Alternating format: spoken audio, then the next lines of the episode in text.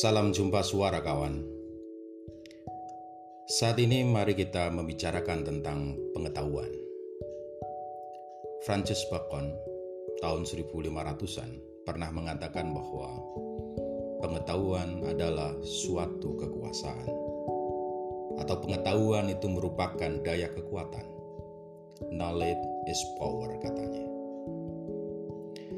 Pengetahuan memiliki daya kekuatan untuk merubah keadaan.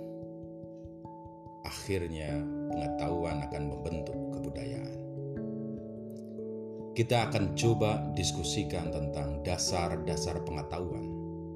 Apa yang sesungguhnya menjadi akar pengetahuan? Apa yang sesungguhnya menjadi bahan baku pengetahuan?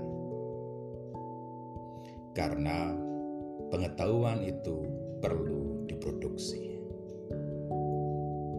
pengetahuan. Pengetahuan adalah informasi yang di dalamnya mengandung nilai, hasil dari refleksi yang dilakukan secara mendalam.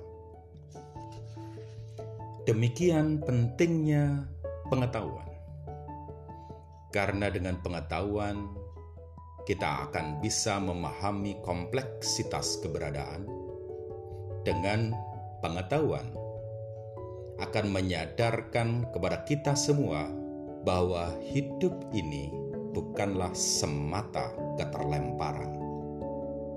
Mark ketika berdebat dengan Wedling pernah mengatakan bahwa ketidaktahuan tidak pernah menolong siapa pun. Oke, mari kita bicara tentang bahan baku pengetahuan. Bahan baku yang pertama adalah pengalaman. Pengalaman adalah keseluruhan peristiwa perjumpaan. Pengalaman adalah apa yang terjadi pada manusia dalam interaksinya dengan alamnya, dengan dirinya sendiri, dengan lingkungan sekitarnya, dan dengan segala kenyataan yang penuh kenyataan keilahian salah satunya. Pengalaman ini menjadi dasar dalam produksi pengetahuan. Ada pengalaman primer, ada pengalaman sekunder. Pengalaman primer ini adalah pengalaman langsung ketika kita melakukan persentuhan indrawi dengan fakta-fakta yang konkret Sedangkan pengalaman sekunder ini adalah pengalaman tidak langsung atau pengalaman reflektif dari pengalaman-pengalaman primer yang kita peroleh. Kita bicara lagi tentang ciri pengalaman. Yang pertama, pengalaman itu bercirikan bahwa pengalaman manusia itu amat beraneka ragam. Kita pernah melihat, menyentuh, mendengarkan, membaui.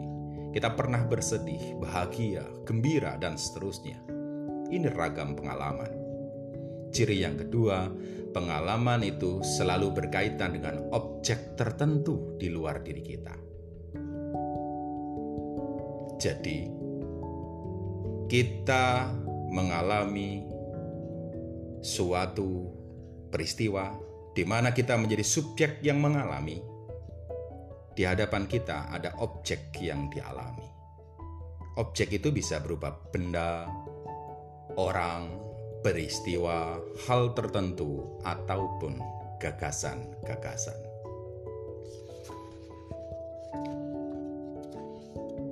Oke, ciri yang ketiga dari pengalaman bahwa pengalaman itu terus tumbuh dan berkembang seiring dengan umur, kemudian kesempatan yang semakin meluas, dan tingkat kedewasaan manusia.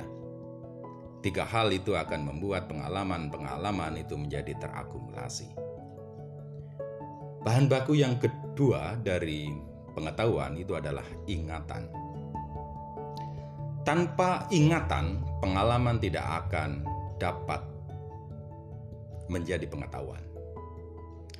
Tanpa ingatan, kegiatan penalaran menjadi tidak mungkin. untuk bernalar dan menarik suatu kesimpulan, kita harus mengingat premis-premisnya. Karena itu, ingatan menjadi penting.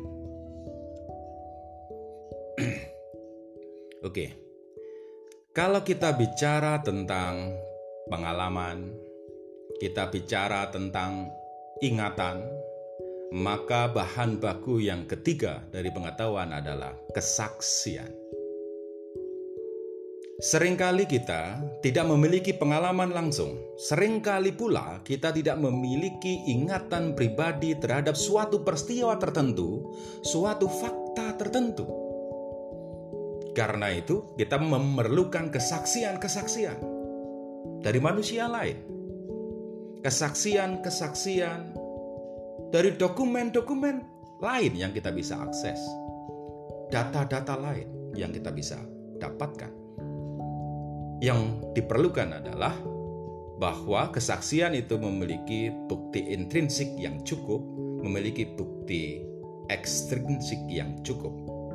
Otoritas, kapasitas, kompetensi yang memberikan kesaksian, sekaligus substansi materi yang disaksikan, itu harus teruji. Beberapa ilmu tertentu sangat bergantung kepada sumber atau bahan baku kesaksian ini, seperti misalnya sejarah, seperti misalnya ekonomi, manajemen keuangan dengan data-data keuangan, dan seterusnya. Sumber pengetahuan yang keempat adalah minat dan rasa ingin tahu. Pengalaman tidak serta-merta akan menjadi pengetahuan jika tidak ditopang oleh minat dan rasa ingin tahu manusia itu. Hidup manusia itu bisa jadi akan dihadapkan pada tiga kondisi. Ketika hidup dipenuhi oleh tanda tanya, selalu mempertanyakan sesuatu, maka dia akan memiliki kehidupan yang dinamis. Namun, jika hidup itu bertanda titik, maka kita akan menemukan kehidupan yang statis. Dan jika hidup itu penuh dengan tanda seru, maka hidup kita akan menjadi hidup yang sangat mekanistis. Masalah minat dan rasa ingin tahu itu, Aristoteles pernah mengatakan bahwa semua manusia ingin mengetahui. Pengetahuan itu bisa berkembang jika manusia memiliki sensitivitas untuk menggugah kekaguman dia, keheranan dia atas sesuatu, atas suatu fakta, sehingga akan menjadi akumulasi, menjadi motivasi untuk memunculkan rasa ingin tahunya. Dengan topangan itu, maka pengetahuan akan lahir. Bahan baku yang kelima adalah pikiran dan penalaran. Untuk memahami dan menjelaskan, manusia perlu berpikir. Manusia berpikir itu jika dia mampu mempertanyakan banyak hal. Ketika mereka mampu mengajukan pertanyaan-pertanyaan yang relevan sekaligus berusaha untuk memberi jawab atas pertanyaan-pertanyaan itu. Tanpa pikiran dan penalaran, tidak akan ada pengetahuan. Bahan baku yang keenam, logika. Tidak sembarang kegiatan berpikir itu bisa dikatakan sebagai suatu proses penalaran. Penalaran itu perlu kelurusan berpikir dan kesesuaian dengan hukum logika. Sehingga dalam penarikan kesimpulan, logika mengatakan bahwa apakah premis-premis yang dijadikan dasar dalam penarikan kesimpulan itu benar. Perlu kelurusan berpikir, perlu kesesuaian dengan hukum logika. Bahan baku yang ketujuh, bahasa. ada hubungan yang saling berkait antara pikiran dan kata. Bahasa itu bukan hanya mengungkap kebenaran, tetapi dengan bahasa kita memiliki sarana untuk menemukan kebenaran. Dengan bahasa kita bisa menyampaikan kebenaran, kita bisa menyimpan kebenaran, kita bisa mengingat kembali kebenaran itu, kita bisa mengulasnya, mendiskusikannya. Dengan bahasa, maka pengetahuan tumbuh menjadi luar biasa. Bahan baku yang kedelapan adalah bahwa e, manusia itu memiliki kebutuhan, dan kebutuhan manusia itu menjadi bahan baku bagi tumbuhnya pengetahuan. Dalam interaksi manusia dengan manusia lain, manusia dengan alamnya, manusia dengan lingkungan sekitarnya, mereka membutuhkan pengetahuan Kegiatan mengetahui itu adalah cara berada manusia. Knowing is a mode of being. Pengetahuan itu juga dikatakan sebagai cara bertindak yang tepat. Knowledge is for the sake of action. Tak ada yang lebih praktis daripada pengetahuan yang baik. Nothing is more practical than a good knowledge. Dengan pengetahuan, maka kebutuhan manusia atas hidupnya itu akan menjadi tercukupi. Demikian, demikianlah eh, kawan-kawan terkait dengan dasar atau bahan baku pengetahuan. Terima kasih.